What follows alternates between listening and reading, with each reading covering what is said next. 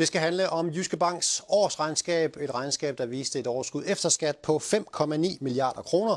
Og her er der bidrog det seneste kvartal, altså fjerde kvartal, isoleret set med et overskud på knap 1,8 milliarder kroner.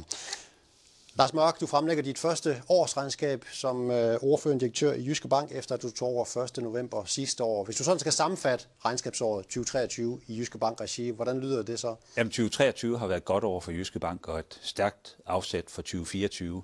Hvis man kigger isoleret på det finansielle, jamen så er der ligesom tre forhold, der hjælper os. Der har været nogle gunstige markeder.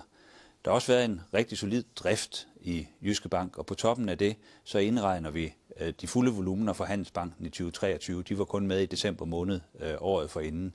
Øh, så der har også været arbejdet for det øh, større resultat, der har været i 2023. Samlet set for Jyske Bank, øh, både finansielt og i forhold til integration, jamen der har det været et rigtig fint år.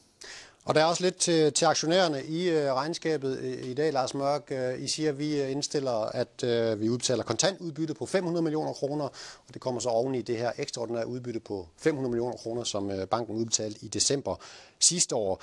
Sådan øh, kiggende fremad, hvad er det så for en, en udbyttepolitik, man som investor skal, skal forvente Jyske Bank agerer efter? Den politik, der vil være fremover, er, at vi udbetaler omtrent 30 procent af det forudgående års resultat i kontant udbytte. Og derudover så laver vi aktie tilbagekøb i det omfang, som vi kan gøre. Øh, vi vil gerne sikre, at vi har en meget solid kapitalposition øh, samtidig. Øh, men der laver vi så aktie tilbagekøb på toppen af de 30 procent kontantudbytte, der vil være. Hvis vi lige her til sidst skal vende forventningerne til 2024, altså Jyske Bank har allerede været ude at meddele, at man forventer et årsresultat i niveauet 4,3 til 5,1 milliard kroner, altså noget lavere end, end det resultat, øh, banken præsterer i 2023. Hvad er årsagen til, at, at øh, forventningerne til 2024 ligger noget lavere end, end sidste år?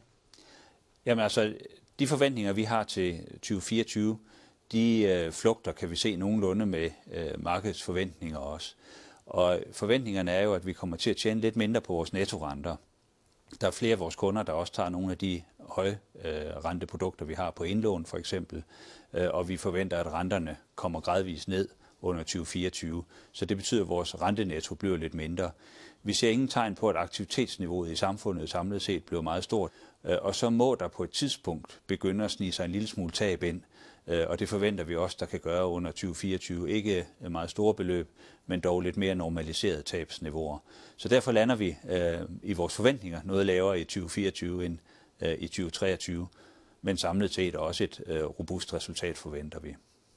Tak for kommentaren til morgen, Lars Mørk. Og hvis du vil læse mere om Jyske Banks årsregnskab, så er det bare at klikke ind på forsiden af jyskebank.dk.